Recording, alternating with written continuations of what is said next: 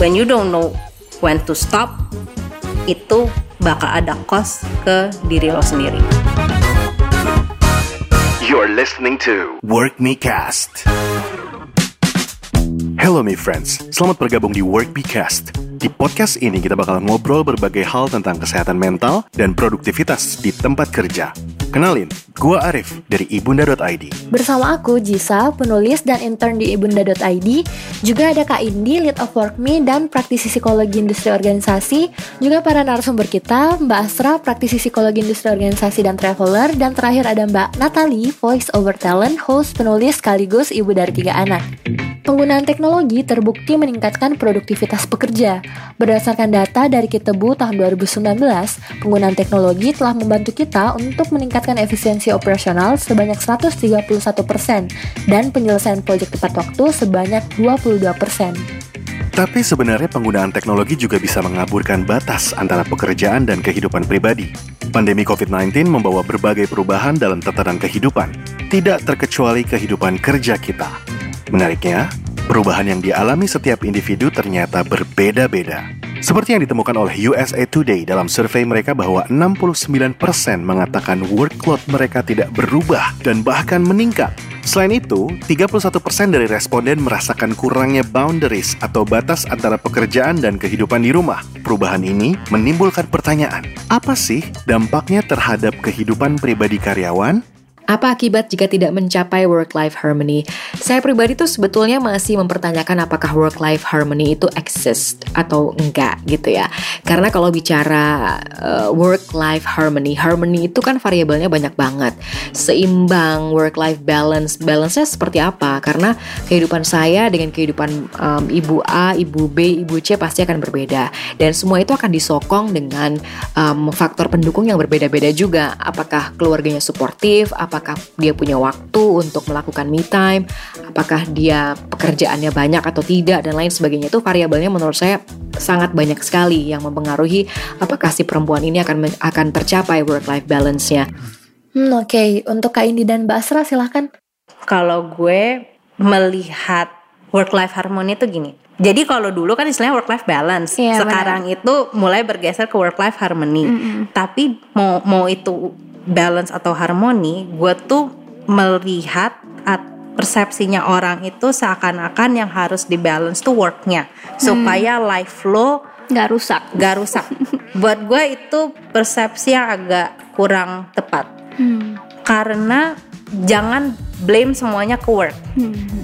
karena work bisa mempengaruhi kehidupan kita betul tapi life pun bisa mempengaruhi work hmm. jadi it should be two ways nah karena sudut pandang gue adalah work itu salah satu bagian dari kehidupan kita yang luas gue mau bahas yang bagian life-nya dulu ya. Hmm. menurut gue kalau mau mulai dari mana uh, googling aja. Uh, aku nggak tahu kamu pernah denger wheel of life hmm. atau enggak? Googling aja wheelnya wheel roda ya. Itu tuh semacam approach yang dipakai banyak life coach ataupun konsultan hmm. atau apa. Itu juga ada banyak. Ada yang 8 aspek ada yang 11 aspek. Kalau gue personal gue lebih suka yang 11 aspek karena menurut gue lebih lengkap. Nah itu tuh aspeknya macam-macam. Jadi kayak misalkan mulai dari self image the way we see ourselves. Kemudian ada sisi dari business work or study. Itu kan artinya uh, kegiatan yang lagi lo jalankan sekarang. Lo bisa lihat dari aspek finance, friendship, family, hmm. romance, self development, uh, kemudian juga contribution atau apa. Jadi intinya ada 11 aspek. Hmm kalau lo mau tahu saat ini state lo ada di mana, menurut gue pakai 11 aspek itu bisa jadi indikator awal. Karena lo bisa lihat, oh ternyata dalam hidup itu elemennya banyak banget ya. Hmm. Jadi bukan cuma ngomongin kerjaan doang, tapi even ketika life-nya sendiri dipecah-pecah, oh banyak banget nih hmm. gitu kan.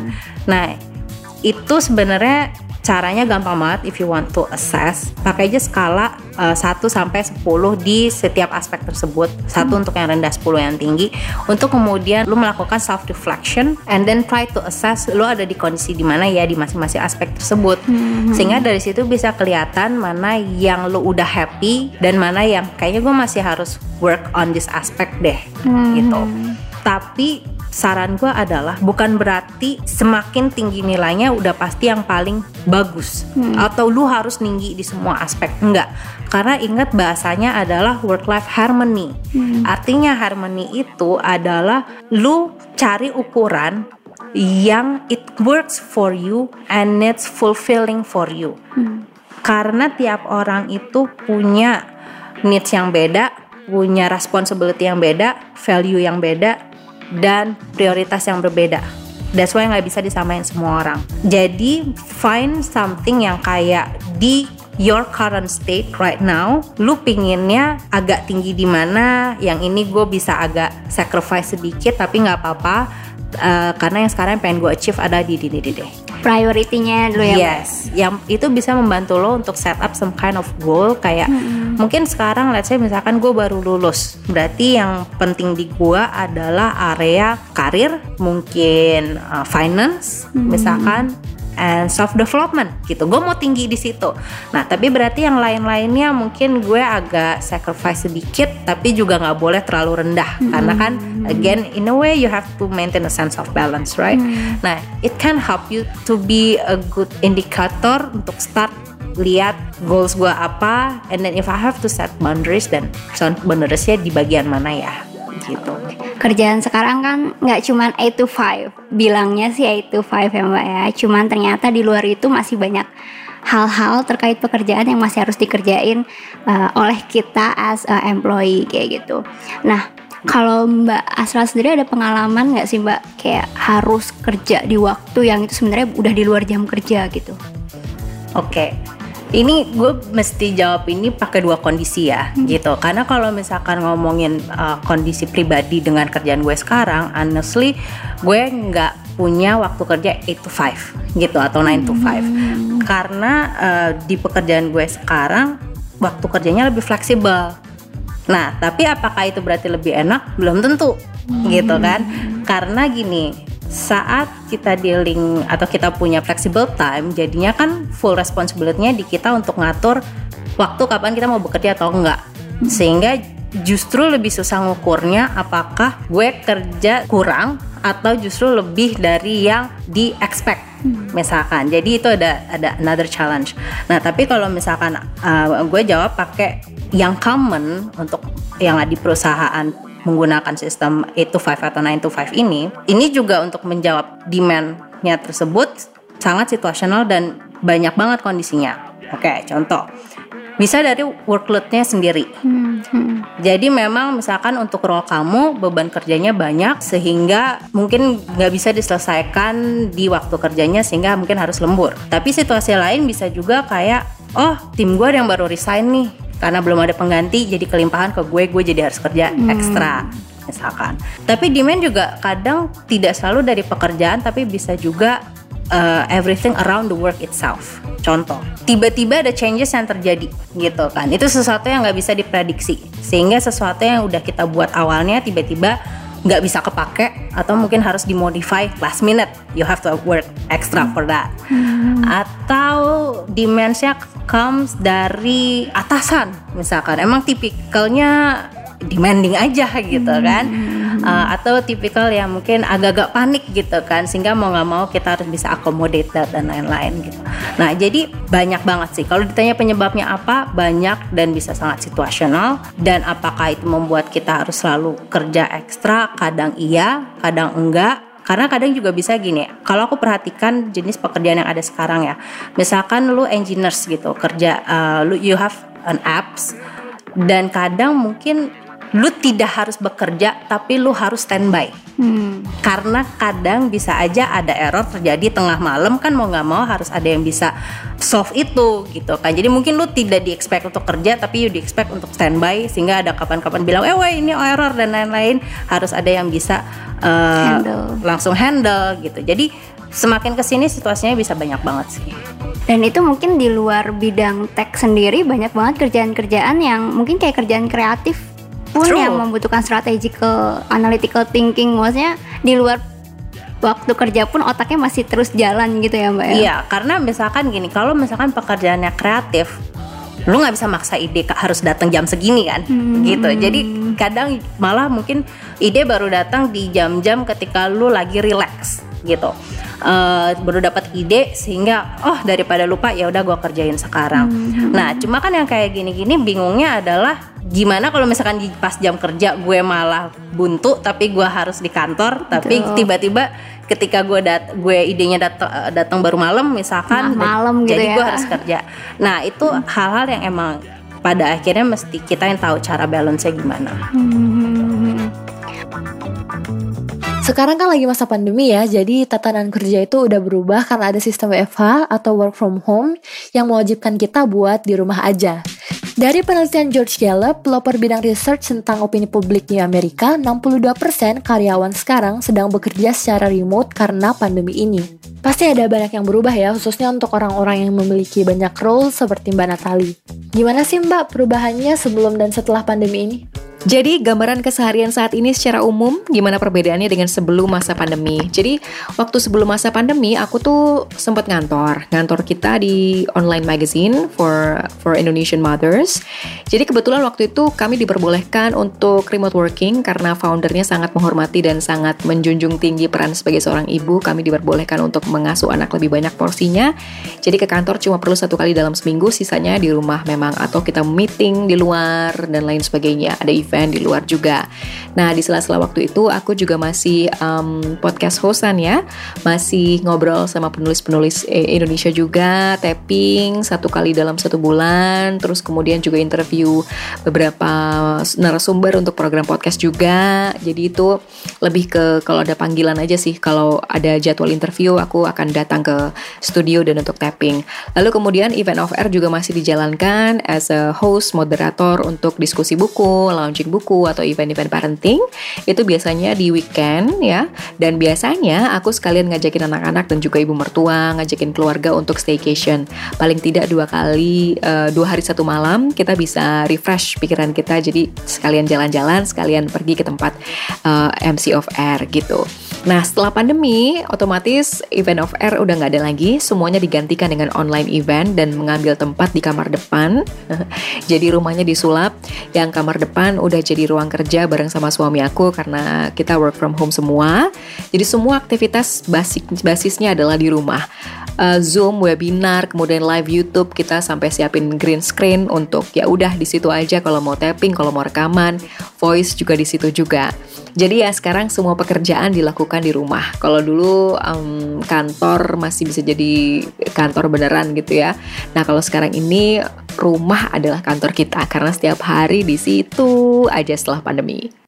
Menurut Harvard Business Review, pandemi COVID-19 telah menimbulkan awareness bagi para leaders bahwa pekerjaan dan kehidupan rumah tangga sangat berpengaruh satu sama lain. Tuntutan ideal worker sangat berat bagi para working mom yang biasanya lebih banyak menghabiskan waktu untuk mengurus anak dibandingkan pasangannya.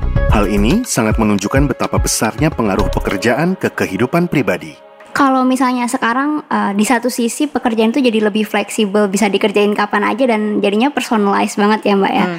uh, itu kan dampak salah satu sisi positifnya ada nggak sih mbak sisi negatifnya ketika pekerjaan itu nggak bisa lagi uh, ditentukan kapan-kapan harus diselesaikannya atau hmm. period of time-nya gitu yes negatifnya ada karena menurut gue kalau based on observasi gue ya semuanya jadi seakan-akan gak ada banderinya hmm. semuanya jadi gak ada batasannya dan itu bisa challenging saat as a person as a personal selfnya kita we don't set any boundaries hmm.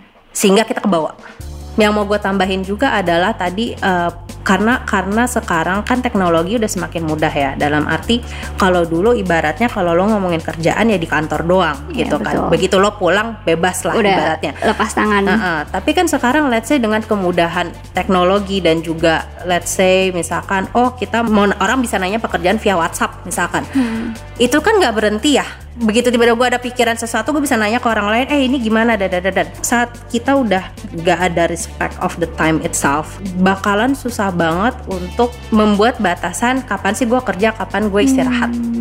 gitu. Jadi menurut gue challenge-nya di situ. Jadi ketika kita sendiri nggak bisa set up boundary hmm. for ourselves akan susah untuk kita ngukur kapan satu sudah waktunya kita istirahat, hmm. kapan kita mulai merasa lelah. Nah, karena dua hal ini kalau misalkan tidak ditangani dalam waktu lama atau beberapa saat itu yang bisa membuat lo stres, burnout. Kalau yang lebih parah lagi bisa bikin depresi dan lain-lain. Nah, tapi kan itu panjang ya.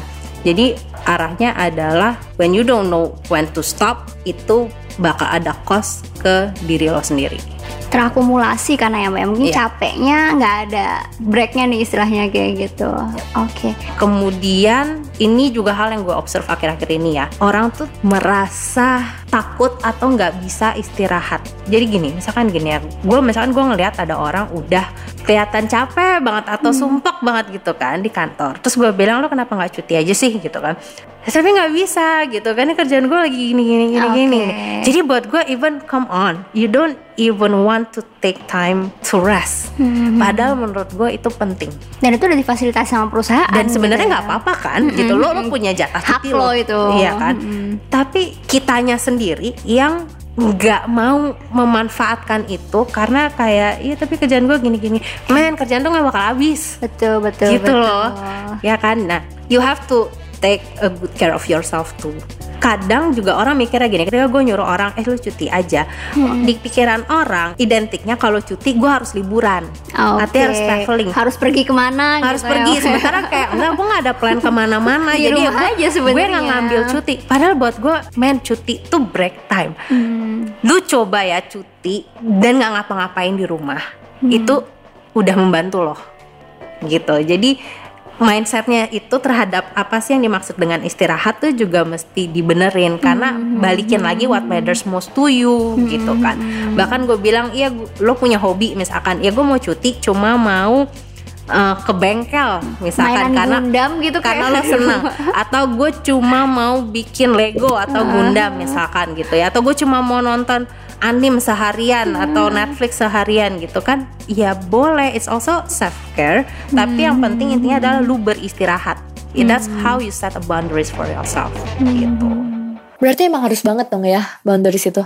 Menurut Raymond Lloyd, clinical psychologist dari California, boundaries itu adalah batasan psikologis yang menandai pembedaan antara beberapa perilaku agar tidak menimbulkan kerugian emosional. Tapi di keadaan seperti ini tuh jadi tantangan baru sendiri nggak sih? Soalnya kan uh, kita menggunakan personal space kita yaitu rumah untuk bekerja juga. Makanya jadi ambigu tuh batasannya. Berarti pandemi ini jadi ada dampak positif sama negatifnya masing-masing ya ada dampak positifnya sih kalau menurut saya ya. Karena sekarang saya di usia sekarang ini saya udah nggak melihat segala sesuatu itu pasti negatif atau pasti positif. Karena saya yakin semuanya segala hal yang terjadi itu pasti punya dua sisi. Atau yang biasa disebut dualisme. Pasti ada sisi positif dan ada sisi negatifnya. Kalaupun kebanyakan negatifnya pasti masih ada sisi positifnya. Nah kalau work from home ini sisi positifnya buat saya adalah kita nggak perlu capek-capek lagi mobilisasi ke tempat kerja yang biasanya makan waktu 1 sampai 2 jam. Kita bisa menghemat energi, bisa dilakukan untuk mengerjakan kegiatan yang lain. Nah, selain itu kemudian yang kedua adalah hemat budget ya. Jadi budget transportasi bisa dipakai buat budget snack anak-anak atau budget yang lain. Terus yang ketiga adalah lebih dekat dengan anak-anak, jadi detail tahu, paham kebutuhan mereka apa. Yang biasanya dulu kita suka skip beliin snack, ternyata snack tuh sangat penting ya buat mereka yang kesehariannya ada di rumah. Kalau kita dulu kan sempat keluar-keluar jadi sekarang kita jadi tahu banget kalau anak-anak itu juga butuh snack yang um, ABC, mungkin bisa aja berbeda satu hari atau ya paling tidak mereka butuh snack sebagai sebagai salah satu hal yang yang menyenangkan yang bisa mereka konsumsi selain makanan pokok gitu ya. Itu itu adalah detail contoh satu hal yang yang bisa kita ketahui dengan dengan sangat um, detail selama masa work from home. Nah, kalau negatifnya aku bisa sum up itu jadi lebih lelah fisik dan mental karena kan kita nggak ke mana-mana dan kita biasanya tentu butuh momen keluar rumah bersama dengan keluarga kalau perlu untuk refresh pikiran kita. Karena selama di rumah ini jadi beneran parno dan nggak ke mana-mana. Jadi ya hmm, lebih kerasa sih lebih lelah uh, fisik dan mentalnya. Hmm, biar nggak lelah fisik sama mental harus terapin boundaries. I'm pretty flexible. Karena gini gue bisa jawab dengan sudut pandang gue tapi ini bisa beda-beda untuk tiap orang ya karena gue tipe orang yang cukup fleksibel dalam arti ibaratnya nih gue baru bangun tidur ada orang nanya gue kerjaan aja gue bisa langsung jawab hmm. gue bisa langsung on hmm. ibaratnya gitu lu mau nanya gue jam 10 malam juga gue bisa respon hmm. nah tapi ini adalah hal yang semakin lama gue sadari ini gak sehat oke okay. oke okay gitu. Jadi um, gue harus tahu dulu pertama personal style gue bawaan gue tuh kayak gimana. Gue harus aware dulu tentang itu baru gue bisa set boundaries hmm. gitu kan. Nah pada akhirnya adalah karena gue hidup kerjaan gue itu quite flexible akhirnya yang gue pilih adalah misalkan kayak gini. Gue prefer untuk waktu pagi hari itu adalah waktu buat gue. Jadi emang gue cenderung datang ke kantor itu siang Nah, tapi begitu siang begitu gue datang ke kantor itu kayak gue siap dengan udah kayak ya udah itu waktu kerja maksudnya gitu. Jadi I spend uh, time fokus kerja dan kadang kerja juga nggak selalu kerja dalam arti I work on my laptop karena kadang hmm. untuk untuk my role lebih banyak gue harus diskusi sama orang problem solving dan apa. Tapi yang pasti adalah I dedicate that time emang untuk that gitu kan. Hmm. Nah kemudian adalah tahu kapan harus break. Untuk beberapa teman-teman yang ngerokok, kadang kebutuhan itu jadi break time buat mereka. Hmm. Nah, tapi kan gue nggak ngerokok gitu. Nah, hmm. jadi kadang gue I have to be aware kayak aduh ini gue udah capek nih gue harus berhenti dulu gitu hmm. kan. Mau jajan kek, mau mau beli kopi kek atau apa, yang penting berhenti dulu and try to be disciplined untuk nggak ngomongin kerjaan. Hmm. Even even ketika lu lagi di kantor. Aduh itu susah banget misalnya lunch time gitu mbak terus iya. ketemu orang yang aduh gue punya project nih sama dia iya terus karena gampang banget gimana? kepancing mm -hmm. karena saat lu makan makan barengnya sama tim lo atau sama iya, orang kantor gitu kan gampang banget untuk yang dibahas itu lagi itu iya, lagi kerjaan kerjaan lagi I'm trying lately hmm. I'm trying to be more disciplined untuk bisa nggak ngomongin kerjaan gitu okay. kan jadi karena you need that break time itu salah satu gitu boundaries juga ya mbak ya? Iya gitu. Tapi emang harus aware. Hmm, gitu kadang kalau enggak kan kadang oh orang ngobrol apa kita ikut aja iya, gitu bener, kan sampai tiba-tiba kayak ya kerjaan ya, lagi. lagi gitu bener, kan. bener, terus ya beneran eh, boleh nggak ngomongin yang lain? Gosip kayak apa kayak iya, lah iya, gitu iya. kan. Nah jadi itu salah satu boundaries juga. Berarti prioritas itu pun akan sangat fleksibel juga ya mbak yang yes. means uh, gue sekarang lagi mentingin karir dan finance right saya tapi mungkin 2-3 tahun yang la lagi yang gue pentingin funnya atau romansnya kayak gitu betul jadi karena gini kan as a human kita pun juga punya punya tugas perkembangan kan hmm. itu bahasa psikologi iya, banget. Ya, benar, benar. Maksudnya adalah gini, we have a stages in life too hmm. gitu kan the way we develop as a human. Jadi of course makanya prioritas orang akan beda-beda seiring dengan perjalanan waktu dan hmm. journey lu saat misalkan nanti lu masuk ke area di mana eh gue mau mau menikah nih gitu kan. Prioritas lo berubah of course. That's why yang namanya harmoni. Artinya nggak berarti harus saklek begitu terus. Hmm. lu bisa mainin gitu. Tergantung makanya prioritas dan goals yang pengen lo capai di current state lo. Makanya bahasa gue current state. Hmm. saat misalkan lo udah misalkan oh ya anak gue udah mulai gede-gede um, ini di karir gue gue udah mulai kayak kayaknya sih gue nyaman sih tapi mungkin gue bukan orang yang terlalu ambisius misalkan oh gue harus posisi sampai tertentu, posisi gitu. tertentu tapi gue punya keinginan untuk contribute more to the hmm. society hmm. misalkan hmm. ya bisa aja berarti prioritas lo kan ganti lagi nih hmm. gitu jadi nah. ketua RT misalnya yes, ya. gitu kan eh beneran loh karena yeah. bisa dan in a way for some people it's really meaningful because you because you do something contribute to community gitu kan ya. right nah jadi yang kayak gitu-gitu tuh akan terus bergerak seiring dengan perjalanan waktu hmm. gitu that's why take a look at this aspect karena menurut gua ini viewnya lumayan lengkap gitu kan hmm. dan untuk melihat kita sekarang kayak oh gua nggak nggak pernah mikirin tentang contribution misalkan oh mungkin sekarang gue bisa volunteer ngelakuin sesuatu ya gitu kan. hmm. kan jadi ada hal-hal yang mungkin selama ini kita nggak kepikiran aware. terus jadi aware deh sekarang hmm. Mbak Natali ini kan juga working mom ya, jadi bakalan punya tugas sendiri juga di rumah. Gimana tuh bagi waktunya? Bagi waktunya tuh sebenarnya ini trial trial and error ya. Jadi selama pandemi aku inti kuncinya adalah mesti nyicil-nyicil kerjaan di setiap sela waktu um, ngurusin domestik, terus kemudian ngurusin kerjaan yang lain, nemenin anak belajar dan juga ngasuh mereka. Gambarannya kalau supaya lebih gampang, itu adalah kalau setiap kali si bayi tidur, aku akan nyicil kerjaan. Contohnya nih, contohnya untuk pekerjaan menulis artikel. Jadi pada malam harinya aku pasti akan lihat besok aku mau nulis artikel apa. Jadi malam itu aku akan kumpulkan semua materinya di email ke aku sendiri untuk besok tinggal diolah, angle-nya mau dari mana dan lain sebagainya itu dicicil besoknya karena uh, anakku kan yang bayi masih tidur tiga kali ya pagi, siang sama sore. Jadi masih bisa dikondisikan untuk dicicil-cicil gitu. Jadi uh, terus kemudian yang kedua adalah uh, ada baiknya kita perlu bangun paling tidak satu jam sebelum mereka bangun. Mereka semua bangun, jadi bisa beresin urusan domestik, mulai dari nyapu rumah, terus kemudian uh, nyuci baju, pencet apa namanya mesin cuci gitu ya. Terus masak nasi buang sampah organik bersihin taman sapu depan. Barangkali mungkin bisa dilanjut dengan menyiram tanaman. Nah itu akan lebih baik kalau anak-anak belum bangun. Jadi semuanya bisa selesai langsung cepet gitu kan. Nah setelah itu karena anak-anak bisa bangun dan bayinya ini nggak bisa ditinggal jadi better itu semua diselesaikan dulu Pas me time itu ngapain aja sih? Biasanya aku pakai dan manfaatkan waktu untuk yang tiga kali seminggu standby untuk tapping voice untuk program infotainment tadi.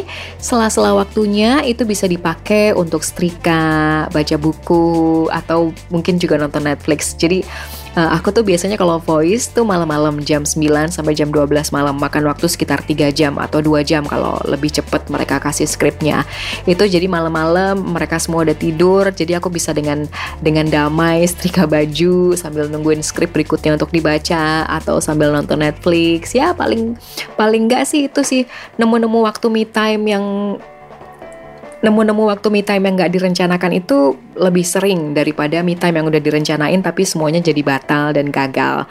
Terus mau ngelakuin apa pada saat me time itu ya pada saat itu akan diputuskan. Jadi aku sampai sekarang masih yang bukan tipe yang merencanakan me time mau ngapain gitu. Kayak misalkan kemarin kapan hari Harry Potter habis ulang tahun, J.K. Rowling juga karena karena aku suka banget film itu, jadi me menyisakan waktu, nyicil-nyicil waktu juga sambil curi-curi sambil nonton film Harry Potter episode pertama itu di laptop aja gitu sambil nungguin uh, sambil nungguin bayi tidur siang gitu ya. Pokoknya dicicil-cicil aja. Yang penting kita masih bisa melakukan hal yang kita suka.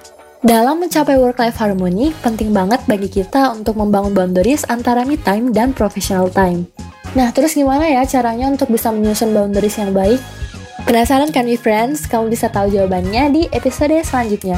Because work is all about me. Stop comparing yourself with others because you are okay. You're listening to Work Me Cast. Sebelumnya kita udah bahas bareng Mbak Astra dan Mbak Natali tentang gimana itu work-life harmony dan seberapa penting untuk punya boundaries. Di part 2 ini kita akan bahas tentang gimana caranya untuk membuat boundaries yang baik. Hmm. Trying to be mindful with with other people condition gitu dan gue berusaha untuk kayak respect that. Ternyata setting boundaries itu juga bisa impact langsung ya ke orang lain, jadi perlu banyak pertimbangan dulu. Tanyain deh ke diri kamu sendiri, siapa aja ya yang bakalan kena efeknya. Gimana ya, misalkan kayak kadang gue punya pertanyaan tentang pekerjaan dan bisa gue langsung tanya ke tim gue tapi I'm trying to be aware juga bahwa oh nggak bisa ini tuh waktu mereka istirahat atau ini waktu ini jadi mungkin bisa gue simpen pertanyaannya buat besok aja hmm. atau misalkan bisa aja gue WhatsApp karena gue takut lupa tapi gue bilang bahwa ini lo nggak harus balas sekarang ya ini cuma gue catat biar gue nggak lupa okay. gitu jadi ada hal-hal yang juga bisa lo lakukan buat orang lain nah ketika kita mengkomunikasi misalnya Mbak Asra bilang gue punya pertanyaan nih tapi ya lo nggak apa kok nggak harus jawab sekarang hmm. gitu kan kita harus tahu juga nih stylenya orang hmm. lain gimana kalau pengalamannya Mbak Asra yang sejauh ini paling oke okay buat tahu style kerja orang lain gimana sih Mbak? Once gue observe, tapi gue orang yang prefer nanya. Hmm. Karena kalau observe tuh kan kadang kita berasumsi juga Ada ya. Benar-benar. Nah, Kira-kira gitu ya. Iya kan. Bahkan trying to be mindful dalam arti mindful tuh gini let's say misalkan ini ya ini tuh periode kayak nanggung kayak lo udah mau akhir tahun hmm. gitu kan semua hmm. tapi kadang masih ada kerjaan tapi gue pengen orang juga istirahat gue pengen tim gue istirahat gitu kan jadi misalkan gue nanya oke okay, nih sampai tanggal segini plan lo apa gitu kan hmm. lu kira-kira lo mau kerja hari apa gitu terus misalkan dia bilang kayak ya gue mau kerja di hari Jumat ini tapi hmm. sisanya selebihnya gue nggak mau kerja gue mau hmm. istirahat oke okay, I respect that gitu hmm. dalam arti gini gue kemungkinan akan nanya kalau perlu ya cuma kalau perlu gue mungkin akan nanya di hari gini gini gini gini gini um, lu jawab di situ aja kalau misalkan ada pendingan kerjaan yang belum selesai, lu nggak harus kerjain sampai tanggal 1 Januari misalkan. Hmm. Dan kita kan masuk lagi tanggal 2, ya lu selesainya nanti aja gitu. Hmm. Jadi trying to be mindful with other people condition gitu dan gue berusaha untuk kayak respect that. Tapi selebihnya adalah ya gini aja, gue mau di treat seperti apa, gue akan treat okay. orang seperti itu yeah. gitu kan. Kalau gue ngerasa gue nggak senang kalau orang melakukan ini ke gue, ya gue nggak melakukan itu ke dia hmm. gitu. Jadi itu juga salah satu cara. Jadi ketika Mbak Astra mau set boundaries to yourself juga ke orang lain membahasakannya istilahnya menunjukkannya seperti itu supaya orang respect sama banderisnya Mbak Asra juga yes gitu. karena karena gini in a way kadang kalau misalkan ada banderis yang emang bisa saklek tapi kan ada juga yang lo nggak bisa selfish juga hmm, gitu kan. Dalam arti gue nggak bisa bilang kayak pokoknya gue nggak mau diganggu jam segini jam segini. Hmm, lah kalau kerjanya ada problem di situ gimana Dan gitu harus kan. solve saat itu. Iya gitu. Jadi maksud gue yes I have semacam aturan main hmm. tapi itu nggak sepenuhnya saklek yang penting adalah ngasih pengertian juga ke orang ketika aku punya boundaries ini alasannya kayak gini loh gini gini gini, gini. Hmm. tapi gue juga I want you to have your boundaries too hmm. and I will respect that gitu dan karena tahu itu emang sebuah hal yang penting ya buat punya boundaries gitu ya mbak yep. Ya gitu ya karena di era yang sekarang ya dengan dengan too much flexibility dan sometimes kadang kita juga lebih bebas untuk oh gue bisa work remotely dan lain-lain hmm. in a way membantu tapi kadang membingungkan membingungkan yes. karena kadang lu jadi nggak tahu aturannya harusnya gimana benar gue kapan harus on kapan exactly. bisa off kayak gitu. exactly so that's why kalau gue ini sesuatu yang gue create di tim gue sendiri hmm. at least gitu uh, atau di lingkungan di mana let's say gue punya project bareng lima orang hmm. at least itu semacam aturan yang main yang gue set di antara lima orang ini okay. gitu jadi fleksibel tapi tetap ada pagernya so hmm. lo tahu lo nggak kelewatan hmm. gitu aja Boundaries is manage your energy, not being selfish, and try to be flexible to something that you have your responsibility on it. Gimana ya caranya buat kita bisa identifikasi diri sendiri, Mbak? Apakah kita udah mencapai work-life harmony atau belum gitu? Oke, okay, ini jawabannya agak susah karena nggak ada tanda-tanda yang visible. Oke. Okay. Gitu. Dalam arti kayak oh, bukan berarti kalau gue ngelihat orang terus kayak bisa langsung oh ini work gitu ya. Wah, work life harmony pasti bagus. Oh, yang okay. ini enggak gitu. No, no, no, it's not something that visible atau easy to detect mm -hmm. gitu loh. Mm-hmm. Jadi, oke, okay. tapi kalau misalkan um, satu lu mau tahu either ini buat diri lo sendiri atau orang yang deket di sekitar hmm. lo gitu ya gue bisa lihat dua satu pakai pertanyaan kayak tadi jadi misalkan gue nanya ke lo ya dari skala 1 sampai 10 lo ngerasa kehidupan lo lagi gimana sekarang hmm. gitu gedein aja dulu pertanyaannya hmm. dibuka General. dulu aja atau tapi kalau misalkan lo mau spesifik nanyain soal kerjaan nggak apa-apa skala 1 sampai 10 gitu ya satu yang hancur banget misalkan hmm. 10 yang bagus banget gimana sih uh, lu ngeliat lu dan kerjaan lo sekarang gitu lo bisa spesifik gitu ibaratnya gini if something is right. Right dalam arti baik-baik aja ya. It's a good sign. Sehat. Sehat lah gitu ibaratnya. Mungkin jawabannya akan ada di antara 8 ke atas lah hmm. ibaratnya gitu. Tapi saat lu misalkan agak di bawah itu bukan berarti that means uh lu jelek banget dan apa. Tapi again gue selalu anggap itu sebagai indikator bahwa there's something that probably I have to work on. Hmm. Meskipun kadang gue belum tahu masalahnya apa. Oke. Okay. Kadang kan kita nggak bisa point out dengan mudah eh, ya. Jelas. Ini masalah gue. X gitu. itu karena Y gitu yes, kan. gitu kan. Tapi even ketika lu mulai mulai berpikir gitu lo, kayaknya ada sesuatu yang rasanya it feels off. Itu berarti pasti ada sesuatu. Nah, itu yang perlu didik deep kayak hmm. tadi perlu ngajak ngobrol dirinya sendiri hmm. gitu kan so kalau mau tahu mana yang work life harmony-nya ini mungkin kalau dia masih bisa jawab eh, antara 8 ke atas it's a good indicator hmm. nah kedua kalau sesuatu yang bisa diobserve adalah apakah seseorang tersebut reaktif atau enggak. Reaktif tuh misalkan gini, saat lo dalam kondisi yang lagi stres, lebih mudah untuk lo being reaktif terhadap masalah atau hmm. hal kecil atau apa. it's also a good indicator kalau yang ini bisa diobserve hmm. gitu contoh misalkan gue ngelihat ada orang lagi bahas masalah terus tiba-tiba dia kayak snap apa sih kayak kepancing kepancing gitu hmm. misalkan atau apa as a outsider gitu kan kita itu bisa observe ya hmm. dan itu kita bisa kenapa nih orang kenapa gitu nih ya? orang gitu kan and then you can try to reach out misalkan hmm. if you uh, have a good relationship with that person you can reach out hey are you okay kenapa gini gini gini hmm. itu juga salah satu cara yang bisa lu lakukan nah tapi ada tipikal orang yang nggak kelihatan Hmm. Ya kan. Jadi misalkan ada tipikal orang yang beneran stres banget. Hmm. Tapi, kelihatan fine fine aja gitu. Satu lo kelihatan baik-baik dan hmm. mungkin self controlnya kuat banget. Jadi okay. jadi nggak reaktif. Iya benar. Tapi benar. bukan berarti dia nggak merasakan, yes. cuman dia bisa ngeremnya gitu ya mbak. Yes, bukan berarti dia uh, berarti oh tidak stres sama sekali. Hmm. Nah, gue akan balikin ke pertanyaan yang pertama gitu jadi even though nih orang kelihatan baik-baik aja tapi kalau lu mau tahu kondisi orang coba tanya aja kalau 1 sampai 10 lagi ngerasa gimana hmm. gitu jadi it should be a combination between those two untuk beneran ngelihat apakah nih orang have a good harmony or not hmm.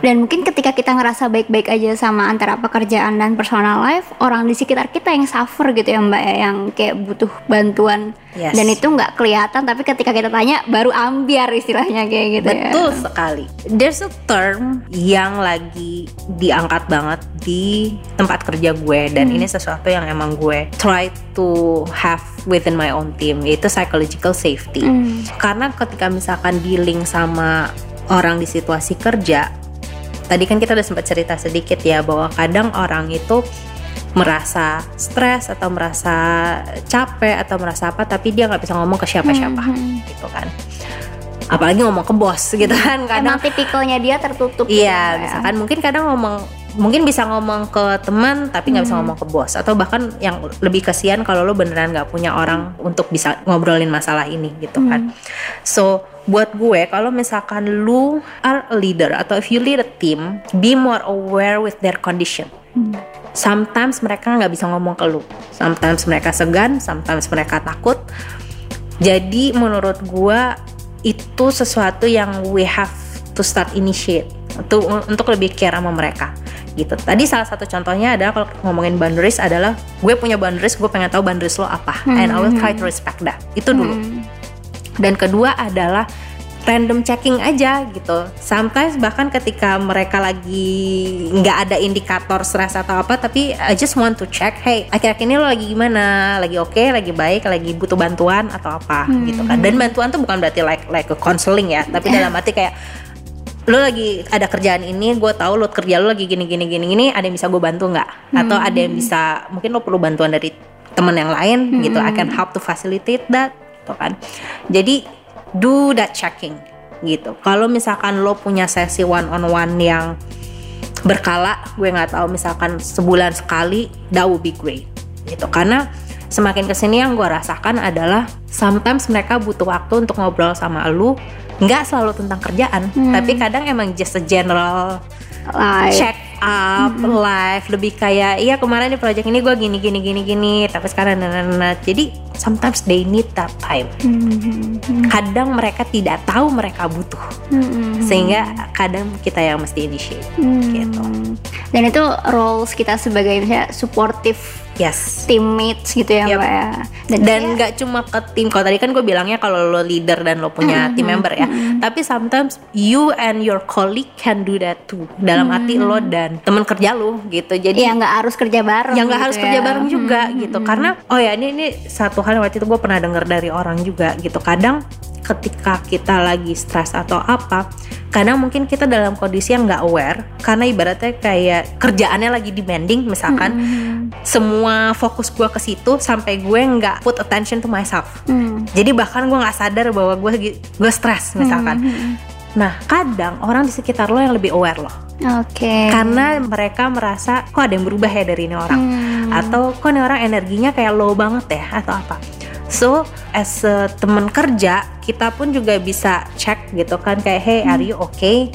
Atau lu kalau misalkan lu yang lagi ngerasa lagi dalam kondisi yang very demanding lo bisa coba nanya juga ke teman lo.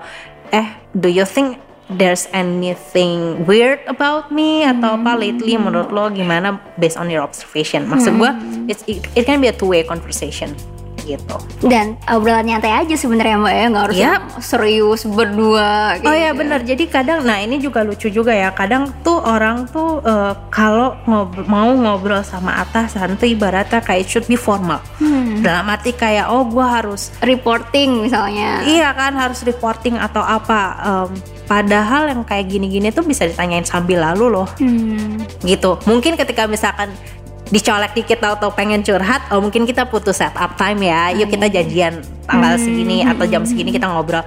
Tapi untuk to initiate that conversation it could happen anytime, gitu loh. Jadi santai aja, benar conversation santai aja. dan mungkin ketika itu udah jadi day to day language jadi lebih Lebih ngalir. orang lebih ngalir gitu Yes. kayak eh gue pengen ngobrol bentar boleh nggak kayak gitu Yes. mungkin orang ketika ada masalah pun jadi personal life nggak merusak work life dan work life pun nggak bisa lebih mm, menjaga istilahnya personal life-nya kayak gitu ya Yep. Mbak ya. Nah tapi kan untuk tadi ya nggak semua orang pertama punya awareness pertama kan berarti harus punya awarenessnya untuk tahu bahwa di hidup ini ada beberapa aspek yang itu harus tahu boundariesnya masing-masing dan itu prioritasnya prioritasnya mau di mana kayak gitu. Nah selain awareness dulu, setelah itu apa sih mbak yang harus kita punya supaya kita tadi bisa set up boundaries kayak gitu. Awareness tuh selalu yang paling penting karena kalau lo nggak aware ya lo juga nggak tahu yuk lo harus ngapain blind kan? aja gitu, fine fine aja hidup Iya. gue. Nah, jadi oke, start with awareness first. Nah, setelahnya adalah setelah let's say lu udah tahu kayak oh kayaknya I need to work on this aspect. Dan nah itu jadi lebih more specific. Menurut gua gini, ini areanya bisa macam-macam sih karena kita ngomongin apa yang bisa lo lakukan atau modalnya apa ya untuk mencapai itu. Gue sih akan berangkatnya balikin lagi kalau kita pakai tadi yang wheel of life dulu ya. Maksud gue adalah satu, kalau lo udah tahu area mana yang pengen lo kuatin, ya udah let's focus on that. Contoh ini sih very practical aja sih. Contoh, oh gue mau ningkatin kesehatan gue karena gue tiap hari 8 jam di kantor, gue makan yang nggak beres, gue tidur nggak beres, gue ngerasa gue mau work on my health gitu kan. Jadi gue mau lebih sehat. Ya udah dan start planning dalam arti kayak lu mau mulai dari mana? Mau benerin pola makan lo kah atau lu mau mulai olahraga atau apa? Jadi to start do something satu make a plan tapi juga planning yang realistik. Dalam arti gini, kadang orang tuh pengen, oh ini kan tahun baru ya resolusi ya, gue mau punya habit baru. Tapi kadang orang tuh terlalu ambisius atau kebanyakan gue mau ini, gue mau ini, mau ini sampai akhirnya nggak ada yang jalan. Menurut gue selalu mulai dari satu yang paling penting dan paling mudah untuk lo lakukan sekarang juga. Kenapa? It- karena itu untuk membuat lo mulai dulu gitu. Mulai dulu, pertahankan sampai sekian waktu gitu. Kalau karena begitu udah jalan itu lebih mudah. Baru abis dari situ lo naikin levelnya, naikin lagi, naikin lagi, naikin lagi gitu kan. Jadi yang penting di plan aja. Kalau let's say lo ngerasa saat ini gila, gue dalam kondisi stres banget atau lagi burn out banget. Berarti mungkin yang harus lo lakukan sekarang adalah manage your mental health dalam arti nurunin tingkat stres lo gitu. Caranya mau gimana? Ya itu macam-macam gitu kan. Lo bisa mau meditasi kek, mau yoga atau mau apa. Tapi again selalu pick salah satu dan pick cara yang paling mudah dan paling visible untuk lo lakukan. Karena kalau nggak gitu, lu nggak jalan-jalan. Be committed to that. Kemudian kalau yang lainnya adalah yang menurut gue bisa membantu lagi adalah nggak cuma di kerjaan dan juga personal life adalah time management. Nah, time management ini teorinya banyak, prakteknya susah. Tapi akhirnya menurut gue gini, satu tahu apa yang priori- prioritas buat lu. Karena if it's if it matters to you, you will make time for that. Nah, tapi yang namanya make time itu bukan berarti lu harus spend X amount of time. Dalam arti oh berarti harus sekian jam atau apa. Karena menurut gue yang paling penting adalah the quality of how you spend your time. Karena lo, lo punya waktu 24 jam dalam sehari. Lo nggak bisa melakukan semuanya dalam 24 jam. Kalau misalkan kayak gitu gue kadang agak mengubah sedikit perspektifnya adalah gue nggak ngukurnya 24 jam tapi gue ngukurnya seminggu kenapa seminggu in a way ada psychological feeling yang rasa kayak oh gue punya waktu lebih banyak, Lebih banyak. karena karena gue stretch jadi seminggu Iya. Dan dalam seminggu gue jadi bisa prioritize better. Karena gini kalau lu try to fit everything in 24 hours nggak bisa udah. Iya, dan lu udah ngerasa gagal duluan. Benar benar. Nggak Right. jadi mulai. Nggak jadi mulai lagi gitu kan. Tapi if you stretch your time into timeline seminggu itu in a way lebih realistik. Dan lo pun tahu jadi kayak let's say gini oh hari Senin. Hari Senin itu adalah hari biasanya kerjaannya lagi banyak-banyaknya. Gue harus fokus. Ya udah hari itu prioritas gue adalah kerjaan. Oke. Selasa biasanya iya sih kerja juga tapi satu gue masih punya energi jadi gue mau olahraga pulang kantor gitu kan. Oke then I make them for health gitu kan. Oh terus rebo apa? Dada dada jadi weekend adalah misalkan waktu gue janjian sama temen gue atau misalkan kayak enggak enggak pokoknya weekend itu karena gue anaknya introvert misalkan kayak gue butuh waktu sendiri, Sendiri. gitu kan weekend itu pokoknya gue mau hari Sabtu itu nggak ke mana-mana. Misalnya kan hari Minggu adalah waktu keluarga. Tapi kan gue pengen ketemu teman kapan? Ada nggak ya di hari di mana gue bisa ketemu mereka pulang kerja misalkan? Itu kan itu lu yang tahu gitu kan? Tapi ketika lu planning itu buat lebih seminggu somehow it becomes more realistic. Dan nggak terlalu pressure-nya ya nggak terlalu kencang aja. Gitu. That's it. Itu ngomongin time management. Misalnya kita udah punya Hmm. plan nih how we communicate itu ke orang lain tuh Hmm. ada tips and trick sendiri mungkin never assume that other person understand. Jadi jangan pernah asumsi bahwa orang lain tahu apa yang lo pikirin. Nggak ada yang bisa baca pikiran di sini, oke? kalau lu nggak ngomong orang nggak ngerti dan nggak usah pakai kode-kodean. Ini gue kalau ngomong sama anak zaman sekarang tuh kayak kagak usah ngomong pakai kode nggak ngerti gue. langsung gitu Be ya straightforward aja gitu. Karena maksud gue gini loh. Kalau lu tahu lu mau A, kenapa Ya, sih A kenapa gitu. sih lu harus mancing-mancing gitu kan? Mancing-mancing pakai kode gini muter-muter-muter berharap dia tahu A. Udahlah ribet amat hidup lu. By the way, itu sumber masalah juga loh. benar serius gua. benar benar Lo serius lo. Just say it, say it what you want gitu Hmm, kan. Nah, jadi intinya ada komunikasi. Nah, cuma mungkin bukan masalah komunikasinya tapi how to Yes. communicate. Jadi caranya kan. Satu, be open dan jelasin why-nya kenapa. Hmm. Ini kalau lu mau jelasin boundaries ya. Karena again gini, lu bisa set up boundaries, tapi kadang-kadang kalau disampaikan dengan cara yang salah itu bisa ditangkap sebagai selfish Benar. kayak "Eh, lu kan mau mikirin diri lo sendiri gitu kan jadi jelasin bahwa gue tuh pengennya sih gini jadi in ideal state di kondisi idealnya gue gue sih pengennya gini gini gini gini tapi ini loh reasonnya kenapa kadang orang cuma nyebutin ini boundaries gue tapi nggak jelas nggak jelas reasoningnya kenapa dan itu yang membuat orang sulit paham dan sulit berempati. Hmm. jadi jelasin kenapa sih gue melakukan ini? Karena gue butuh gini gini gini. Gue butuh waktu buat diri gue. Kemudian yes you can have boundaries but remember you have a room for flexibility gitu. Dalam arti there's always a compromise in anything gitu. Even within a relationship gitu kan.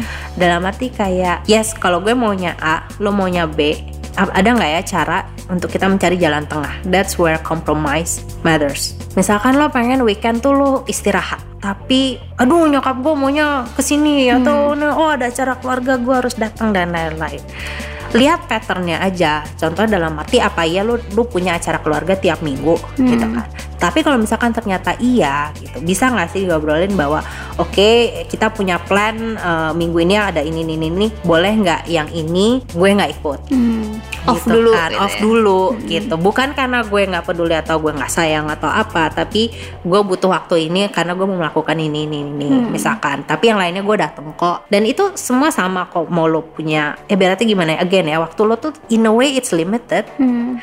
dan lo nggak bisa menyenangkan semua orang benar-benar gitu itu jadi yang susah Iya, jadi tahu kapan kapan again lu memilih diri lo sendiri buat self care, tapi ingat kita juga makhluk sosial dan kita butuh orang lain loh. Jadi kapan lu bisa set time untuk orang lain gitu. Jadi be really clear on that. Dan juga kayak let's say menurut gue kuncinya itu sih being balance and respectful. Dalam arti gini saat orang tahu bahwa gue pun respect dengan apa pun your needs itu akan bertimbal balik. Jadi itu yang membuat basis relationshipnya kuat sehingga lebih mudah untuk berkompromi di kemudian hari. Aku jadi inget kayak ada beberapa orang teman-teman yang cerita walaupun mereka ngambil cuti itu tuh mereka tetap oh ya standby kerja. Oh saya juga. kerja. Itu gimana pak? Oke, itu juga. Ah di awal-awal itu again it, it's a choice Hmm. gitu oh, kan. tadi Jadi ya, harus conscious kalau Yes, it's a choice. Jadi buat gue gini, karena karena gue suka traveling memang. Hmm. Dan kadang kalau traveling emang gue perginya lama gitu kan, bisa seminggu, bisa dua minggu. Jadi buat gue adalah waktu itu cara berpikir gue gini, gue dikasih privilege untuk gue bisa cuti lama, Hmm. tapi gue juga merasa kayak I still have responsibility with my work sehingga waktu itu gue mikir gue kadang bawa laptop ketika Hmm. pergi um, kadang gue set time either pagi atau malamnya itu gue akan set time untuk kerja. Sisanya ketika gue waktunya jalan-jalan ya gue jalan-jalan Hmm. gitu kan. Balik ya mungkin ada kerja dikit atau balas email atau apa. Dulu awal-awal sih gue masih bisa melakukan itu tapi jujur lama-lama capek. Nah ini ngomongin soal self care lagi ya. Hmm. karena ternyata ketika gue melakukan itu terus menerus gue nggak punya waktu istirahat. Hmm. jadi istirahat beneran istirahat gitu. Gue nggak ada breaknya. Jadi menurut gue itu salah. Gue pikir oh karena traveling artinya gue udah happy happy itu istirahat. Nggak itu beda Pakai energi juga kan karena ya, itu Mbak, pakai ya? energi juga gitu kan. Nah saat gue realize hal itu gue merasa bahwa dan gue beneran butuh cuti atau butuh traveling tapi yang beneran gak diganggu kerjaan. Nah itu sesuatu udah gue komunikasikan dari jauh-jauh hari ke tim gue. Gue bilang kayak beneran yang kali ini beneran ya gue kalau bisa gue beneran nggak mau nggak mau ngurus kerjaan dan lain-lain gitu kan. Nah itu ya itu akhirnya sesuatu yang udah di agreed up uh, dari awal. Hmm. sehingga tim gue pun siap gitu kan oh gue tahu gue nggak bisa ganggu mbak Asra nih di periode ini gitu kan akhirnya gue merasa bahwa memang butuh banget waktu di mana lu beneran break 100% yang nggak mikirin kerjaan Kalau Mbak Natali kan meskipun cuti bakalan tetap ada tanggung jawab ya sebagai ibu. Terus gimana tuh Mbak? Nah, dalam kasus saya, at least saya terus mencoba untuk menyelesaikan semua pekerjaan selesai gitu ya dalam satu hari itu. Bagaimanapun caranya, ya berarti saya harus menemukan cara untuk ngobrol dengan suami misalnya untuk minta tolong dong jagain anak sebentar supaya saya bisa selesaikan pekerjaan ini gitu. Jadi selalu ada kompromi di situ dan kita tentu butuh bantuan orang lain untuk menciptakan work life harmony yang tadi dikatakan di awal. Nah, jadi yang paling penting adalah menurut saya adalah kita terus berusaha untuk menciptakan waktu jeda, untuk menciptakan waktu break setiap hari karena kita juga nggak pengen burn out, nggak bisa terus-terusan di, dikejar dengan pekerjaan dan lakukan aktivitas terus aja gitu ya. Kita juga tetap tetap butuh break. Dan yang paling penting adalah bersyukur atas semua nikmat yang kita peroleh. Berhenti terus lihat ke atas. Kadang-kadang Instagram itu begitu shining, begitu menyilaukan. Ngelihat ini kok anaknya kok anteng banget, ini anaknya pinter banget makannya, atau ini enak banget masih bisa time, masih bisa ke salon, masih cantik dan lain sebagainya. Stop it. Karena kita nggak bisa membandingkan kehidupan di rumah kita dengan kehidupan di rumah orang lain. It will be very berbeda gitu. Dan variabelnya tadi akan sangat banyak sekali karena mungkin dia punya neni, mungkin karena secara ekonomi dia lebih mampu dan lain sebagainya banyak banget. Jadi kayaknya kita mesti stop lihat itu, lihat ke atas aja. Kita mesti lihat ke bawah dan lalu bersyukur atas apa nikmat yang sudah Tuhan kasih sama kita setiap hari. Setiap hari kita masih bisa kok me time paling tidak 30 menit sehari. That's enough. And stop comparing yourself with others because you are okay. Penelitian dari Tim Allen dan kawan-kawan di jurnal American Psychological Association tahun 2019 menemukan bahwa orang-orang yang punya jam kerja dan tuntutan kerja yang lebih banyak itu cenderung akan memiliki work-family conflict. Personal life punya peran besar ke work life kita, begitu pula dengan sebaliknya. Semua hal kompleks yang terjadi, semua perasaan yang kita rasakan itu akan memiliki potensi besar untuk mempengaruhi kualitas kerja kita. it's true jadi kadang apa yang terjadi di personal life kita justru kebawa ke kerjaan. Bisa bikin demotivasi atau bikin eh, nggak konsentrasi atau apa. Jadi yes dari personal pun bisa ngaruh ke kerjaan. Satu again aware dulu bahwa yes gue lagi ada isu di personal gue. Oke, if it if it's an issue in personal life, karena gini bisa aja lu punya masalah kerjaan dan lu pulang marah-marah kan bisa juga Iya, ya. Jadi maksud gue gini, whatever issues that you have right now, satu be aware that you have it. Kenapa? Karena begitu lo aware, lebih mudah untuk lo kayak misahin dulu sementara. Oke, daripada lu nggak nyadar lu punya masalah dan tiba-tiba either lo pulang marah-marah atau lu pergi ke kantor Marah-marah juga. marah-marah juga atau komplain hmm. atau sedih atau nangis atau apa hmm. gitu. Jadi please be aware bahwa ini kayak gue lagi punya feeling gak enak karena baru terjadi ini hmm. dan lu kayak disimpan dulu sementara. Artinya gini, saat gue tahu energi gue lagi low dan gue harus ke kantor, gue akan again komunikasi ya. Misalkan okay. lo lo emang kerjaan lo harus dealing dengan banyak orang. Hmm. Kadang lo bisa komunikasikan itu, kadang enggak. Jadi even ada waktu-waktu di mana I have to fake it hmm. in a way. Gue nggak suka pakai bahasa ini, tapi emang kadang-kadang lu harus find sumber energi untuk gue sebenarnya lagi nggak nggak semangat tapi nggak bisa This keep harus keep going juga iya gue harus gitu keep ya. going juga jadi gue harus cari semacam sumber energi di diri gue yang bisa gue dedicate buat kerja hmm. itu caranya tapi kalau gue ada kondisi di mana I can share a little gue cuma bisa gue misalkan bisa bilang sama orang di sekitar gue sorry ya gue hari ini lagi di kondisi yang lagi agak kurang baik hmm. gitu maksudnya nggak kondusif eh, ya energi gue lagi low atau apa hmm. jadi mungkin gue terlihat tidak semangat hmm. tapi don't worry kita tetap bisa ngerjain ini hmm. gitu hmm. jadi supaya orang nggak khawatir juga yeah. gitu kan terus kemudian be more aware karena itu tadi indikatornya kan gue bilang kalau lu lagi stres lu, lu tuh reaktif kan? Hmm, jadi kadang misalkan ada masalah apa tiba-tiba gue kepancing gue meledak gue marah. Sembunyinya pendek sembunyi, sembunyinya pendek gitu kan. Padahal masalah gue bukan karena kerjaan gue lagi sumpek aja di gue baru putus misalkan hmm. gitu kan. Nah itu emang emang lu mesti satu awareness lu mesti kenceng hmm. banget. Lo emang kontrolnya mesti kenceng banget. Dalam arti adalah kadang itu nggak bisa ditahan ya. Maksud gue dalam arti gini kadang lu udah keburu meledak duluan. Ya baru aware. Baru aware kan baru aware tapi buat gue itu masih lebih mending karena ada ada pos ada kondisi mana lu aware gitu hmm. ya udah nggak apa-apa saya sorry misalkan atau hmm. apa dan lebih kayak try to calm yourself and then continue yang susah itu adalah kalau it affects your motivation karena hmm. karena naikin motivasi itu nggak semudah itu juga gitu kan yes. tapi buat gue akhirnya what keeps me going adalah sense of progress jadi kalau lu lagi feel unmotivated susah banget untuk finish something. Hmm. Jadi ibaratnya mikirin gila gue harus ngerjain kerjaan ini aja udah ah gila gue nggak ada energinya mau mulai gitu. aja sulit banget hmm. gitu kan apalagi menyelesaikan jadi again itu kan suatu target yang jauh banget hmm. jadi buat gue kadang yang penting bukan selesai tapi sense of progress dalam arti gini mulai dulu aja misalkan gue harus bikin proposal nih misalkan even gue mulai dari udahlah bikin page judul aja iya. dulu yeah. googling cara ini aja googling aja dulu misalkan oke okay, yang penting lo udah melakukan itu okay. udah Oke, okay, naikin satu lagi ya, bikin pengantarnya misalkan. Hmm. Sebenarnya masalahnya apa sih? Gue bikin satu page aja dulu. Hmm. Wah itu tuh udah selesai, udah progress kan yang penting. Hmm. You start something and then you there's a progress gitu. Jadi nggak usah mikirin kayak oh, gue harus selesai. Enggak, mulai aja dulu satu pelan pelan pelan pelan hmm. gitu. Karena semakin lu menyelesaikan kerjaan yang kecil-kecil, itu tuh membantu confidence lo mulai naik. Oke, okay, ya kan? I'm fine enough to do this yes, gitu ya. Gitu kan. Lama-lama oh, selesai bisa, juga. Gue bisa gitu kan. Hmm. And then uh, semakin itu selesai-selesai juga lu you start to feel good about yourself. Jadi emang yang sulit itu mulainya. Hmm. Jadi jadi nggak usah mikirin harus selesai, yang penting progress. Di breakdown aja jadi kecil-kecil kerjaan lo gitu kan. Jadi finish this, finish this.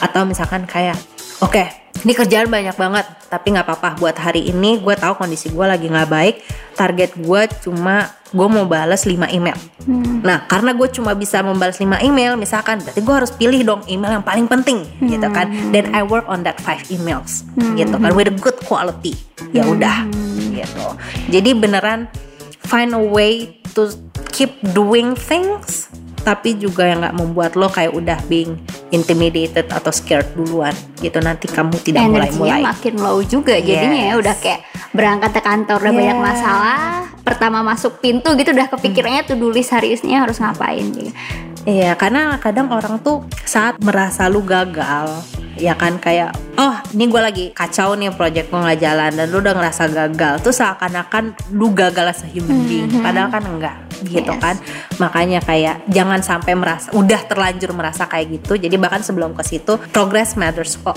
progress hmm. is also important hmm. gitu Tapi nggak bisa dipungkiri juga ya Mbak, kita harus benar-benar men-switch off emotion. Maksudnya ya put a fake emotion ya harus baik-baik aja di situ di situasi ketika kerjaan itu sangat demanding yang harus selesai hari itu atau udah di a tight deadline kayak gitu.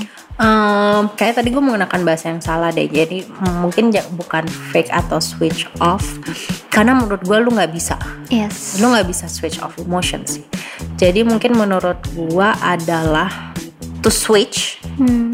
and again make a conscious choice bahwa saat ini gue nggak mau fokus ke masalah gue yang ini, okay. gue mau fokus ke yang ini. Ya karena kadang dalam kondisi itu lu nggak merasa bahwa lu punya pilihan, hmm. Padahal lu punya. Hmm dan make it as a conscious choice. Semakin lo sering kayak misalkan lo lagi stres gitu kan. Oh gue tahu gue stres tapi gue nggak bisa numpahin ini ke orang-orang yang nggak bersalah yeah, gitu kan. bener. jadi beneran untuk lo aware and then shift that mindset.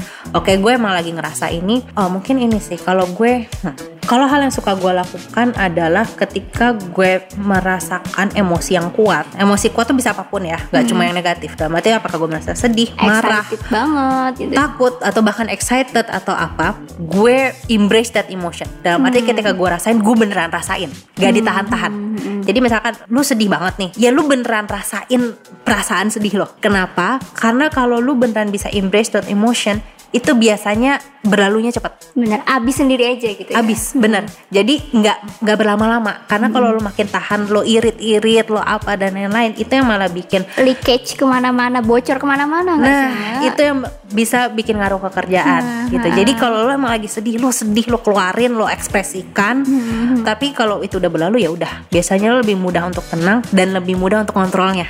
Hmm. Makanya tadi ketika bilang emosinya dialirin ke yang lain dulu, di tahan dulu kemudian energi lo lariin ke, ke yang lain itu lebih mudah kalau kondisinya lo udah tenang tapi ketika emosi itu bener-bener lagi di puncaknya istilahnya ya udah gitu hmm. mungkin cari space personal hmm. untuk meluapkan yang misal kalau itu energi negatif hmm. mau nangis cari tempat di mana kayak gitu di kantor ya. yang bisa kalau beneran crying gitu ya kalau lu beneran butuh banget ya misalkan hmm. ya kadang kita nggak tahu trigger itu bisa muncul di mana aja gitu kan kalau lo emang butuh waktu buat diri lo sendiri ya udah cari tempat yang nyaman hmm. gitu kan mau ke hmm. toilet kayak atau mungkin ada tempat ada quiet space mungkin di kantor atau gimana ya udah tenangin dulu kalau do whatever you need to do hmm. to calm yourself and then go back kalau ada sesuatu di kehidupan personal berarti kudu banget ya untuk ambil me time. Penting sih ini, secara teori supaya nggak burn out kita harus punya me time. Tapi memang ini masih struggling banget sampai saat ini.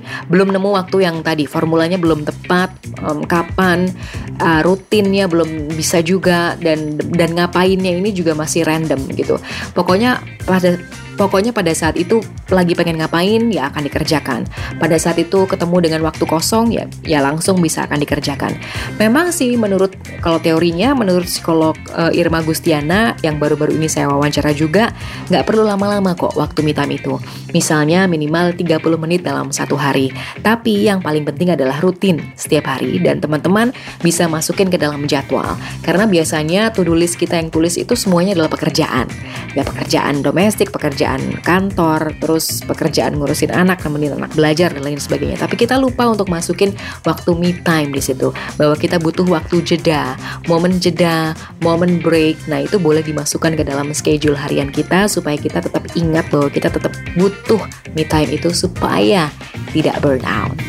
Menurut Barbara Fredrickson, profesor Fakultas Psikologi di University of North California, kalau seseorang punya balance dan harmoni dalam kehidupan kerja dan pribadinya, itu akan bisa banget untuk meningkatkan produktivitas kerja mereka, yang akan bermanfaat untuk menaikkan profit, engagement, dan menurunkan rate turnover bagi perusahaan.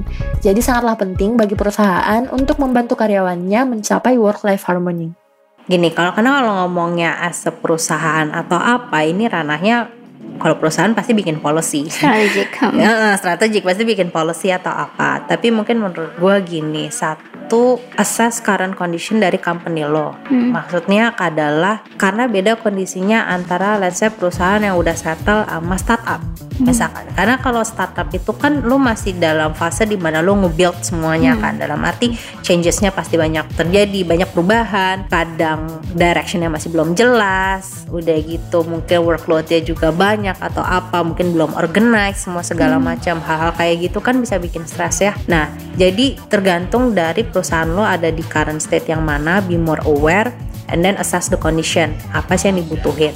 Contoh kalau misalkan lo merasa nih there's no clarity. Bisa nggak gue clarify? Bisa nggak gue bikin direction yang jelas atau bikin plan yang jelas misalkan? And you need to communicate that. Kemudian kalau misalkan ditanya kenapa sih semua orang teriak-teriak kayak gila kerjaan gue banyak banget banyak banget. Oh ini personal ini ya. Kadang gue ngerasa kalau lu mau tahu kondisi sebenarnya di sebuah perusahaan dengerin gosip. Yes. karena itu lebih akurat. akurat dibanding lo bikin Survei, tapi tapi survei juga butuh ya Iya, gitu. Tapi yes, nah tapi jadi misalkan lu merasa kayak hmm, kenapa ya semua orang nih kayak lagi pada teriak-teriak kayak kerjaan gue banyak banget Hmm. banyak banget, atau lu bisa lihat indikatornya based on data, misalkan hmm, kenapa jadi banyak orang yang lembur atau absen gitu kan, kenapa pada datang Hmm. Telat pagi mungkin. atau pulang malam atau apa, Oke. jadi itu lo lihat dari based on data, atau lu just based on your observation, misalkan kenapa nih orang mukanya sumpah semua, apa pun itu itu kan bisa jadi indikator ya. Nah itu coba di follow up gitu dalam arti kalau misalkan lo eh, masalahnya adalah oh orang ngerasa kerjanya banyak banget, mungkin you have to do some kind of workload analysis untuk lihat bahwa masih masuk akal nggak nih load kerjanya orang-orang? Apakah memang kita butuh orang yang lebih banyak emang butuh nambah orang atau cara kerjanya orang di sini pada kagak efisien atau tidak efektif. Dalam arti kan there should be a training yang untuk membantu mereka kerja dengan lebih benar. Jadi masalahnya bukan di jumlah kerjaannya tapi cara mereka kerjanya aja yang bikin lama atau bikin nggak efektif misalkan. Terus kemudian be aware dengan angkatan kerja yang ada di perusahaan lo itu majoritinya di mana. Hmm. Contoh, karena akan beda treatmentnya kalau lu perusahaan isinya anak muda mayoritas sama kalau misalkan yang emang udah middle age atau apa. Itu most likely di, di company yang udah settle. Beda treatmentnya dan beda beda needsnya gitu kan.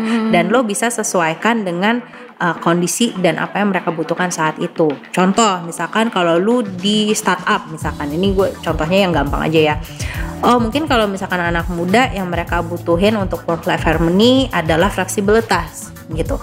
Jadi mungkin polisinya bisa terkait dengan apakah boleh work remotely misalkan ataukah ada flexible hours atau gimana gitu kan. Itu semua disesuaikan dengan needs-nya. Nah, makanya tadi gue bilang survei tetap butuh gitu. Kenapa? Karena persepsi orang terhadap work life harmony itu beda-beda. Again, semua orang punya hal yang dipentingkan. Semua orang punya value-nya masing-masing, punya needs, punya prioritasnya masing-masing. Nah, kalau lu butuh tahu apa yang beneran suaranya orang-orang atau keinginannya mereka seperti apa, sebar survei aja. Itu bisa jadi masukan yang bagus juga kok gitu kan, apa yang dibutuhin oleh mereka. Terus kemudian perhatikan habit-habit yang jadi kebiasaan di perusahaan gitu ya. Misalkan semakin ke sini orang tuh bangga kalau misalkan kayak "Ih, gila ya gue banyak meeting. Hmm. are you sure It's a Efektif good nggak tuh thing. meetingnya? Iya, jangan bangga kalau lu banyak meeting kayak banyak meeting lu nggak produktif. Biasanya lu nggak punya waktu buat kerja, Hmm. Iya kan? Cuman pindah satu ruang meeting ke ruang meeting lain. Betul gitu kayak iya lu ngomongin banyak masalah mungkin you solve problem and everything tapi kapan lu punya waktu untuk beneran ngerjain kerjaan lo gitu kan. Jadi perhatikan habit-habit yang ada gitu. Kalau misalkan kayak even misalkan meeting gitu ya. Kalau lu set waktu meeting biasanya orang tuh set waktu sejam. Padahal menurut gue akan finish all my meeting in 15 minutes gitu. Jadi Preambulenya gitu ya, pengantarnya. Ya, karena kalau orang ngeblok waktu lo sejam, seakan-akan you have to fill that one hour. Bener. Padahal menurut gua kayak no, no bukan gitu gitu. Kayak kalau lo beneran bisa finish 15 menit, bahkan Ya mungkin lo udah. nggak butuh meeting. Lo Oke. cuma butuh janjian sebentar eh ketemu aja di pantry, kita buat kita bahas ini dadat 15 menit selesai udah balik kerja masing-masing. gitu. Jadi perhatikan habit apa yang nggak efektif, nggak efisien yang bikin orang stres padahal nggak perlu. And try to change that. Change dalam arti kayak create something that works for you and your company gitu. Kalau untuk yang gedenya sebenarnya banyak sih, misalkan employee assistance program atau apa. Gue nggak tahu mau sedalam apa bahasnya, tapi kalau itu biasanya kan arahnya udah ngasih pendampingan dalam aspek mungkin psychological. Iya nggak sih? Personal life. Personal life gitu juga kan, bahkan uh, bisa hukum gitu kan. Itu kan another thing gitu dan Tapi menurut gue again berangkat aja dari kondisi perusahaan lo saat ini dan apa yang dibutuhkan oleh karyawan dan start dari situ. Karena menurut gue ya even inisiatif itu kadang nggak harus yang berupa program besar-besar, hmm. tapi kadang yang kecil-kecil pun juga berlaku gitu. Contoh misalkan, oh ternyata orang sini tuh tipikalnya seneng main musik misalkan, sehingga misalkan oh tiap Jumat sore jam 4 kita berhenti kerja, disediain alat musik di kantor, and then orang ngejam Oh. Misalkan gitu ya. I mean, ya makanya itu kan tergantung kebiasaan yes, banget ya gitu. Bener. Jadi if if if that's work for you and your people then do it hmm. gitu. Hmm. Atau misalkan tipikal orang yang senangnya nongkrong bareng dengerin live music misalkan. Kalau emang itu yang orang seneng malah tepat sasaran ya bikin aja acara yes. eh yuk kita nongkrong bareng yuk gitu misalkan tiap uh, tiga bulan atau tiap enam bulan gitu kan ya bisa aja gitu. Nah tadi kan pertanyaannya apa yang bisa perusahaan lakukan. Nah, hmm. tapi menurut gue juga kadang balik lagi nggak semua harus selalu nunggu perusahaan. Benar. Karena kadang within your own department atau within your own team hmm. as a leader you can initiate this loh gitu jadi um, do something that matters to your team karena lu yang paling tahu mereka butuhnya apa dan just do that kadang gampang kok sometimes lu cuma butuh ngeluangin waktu loh that's it hmm. Jangan sampai boundaries lo itu bener-bener memisahkan dua dunia hmm. antara kerjaan dan hidup karena in a way nggak bisa juga nggak bisa ya jadi, orangnya itu itu aja yes gitu. jadi boundariesnya dalam arti you set aturan mainnya hmm. tapi in a way work and life itu akan selalu jalan bareng sih Oke, okay. in a way you spend lima hari dalam seminggu kerja, mm-hmm. ya kan? Tiap harinya lo spend paling nggak 8 jam kerja. Jadi emang itu bagian dari hidup lo yes. sih. Gak bisa totally dipisah, tapi you gotta make it work together make them get along lah hmm. gitu. So, my friends, untuk memiliki work-life harmony, kamu harus ingat bahwa sangat penting untuk membangun boundaries antara work-life dan personal life. Apalagi di masa pandemi seperti sekarang, kita bakalan sulit untuk membagi dan membedakan waktu antara yang mana sih waktu kerja dan waktu untuk diri sendiri. Terima kasih sudah mendengarkan Work Me Cast. Stay safe, stay healthy, and stay sane. See you in the next episode.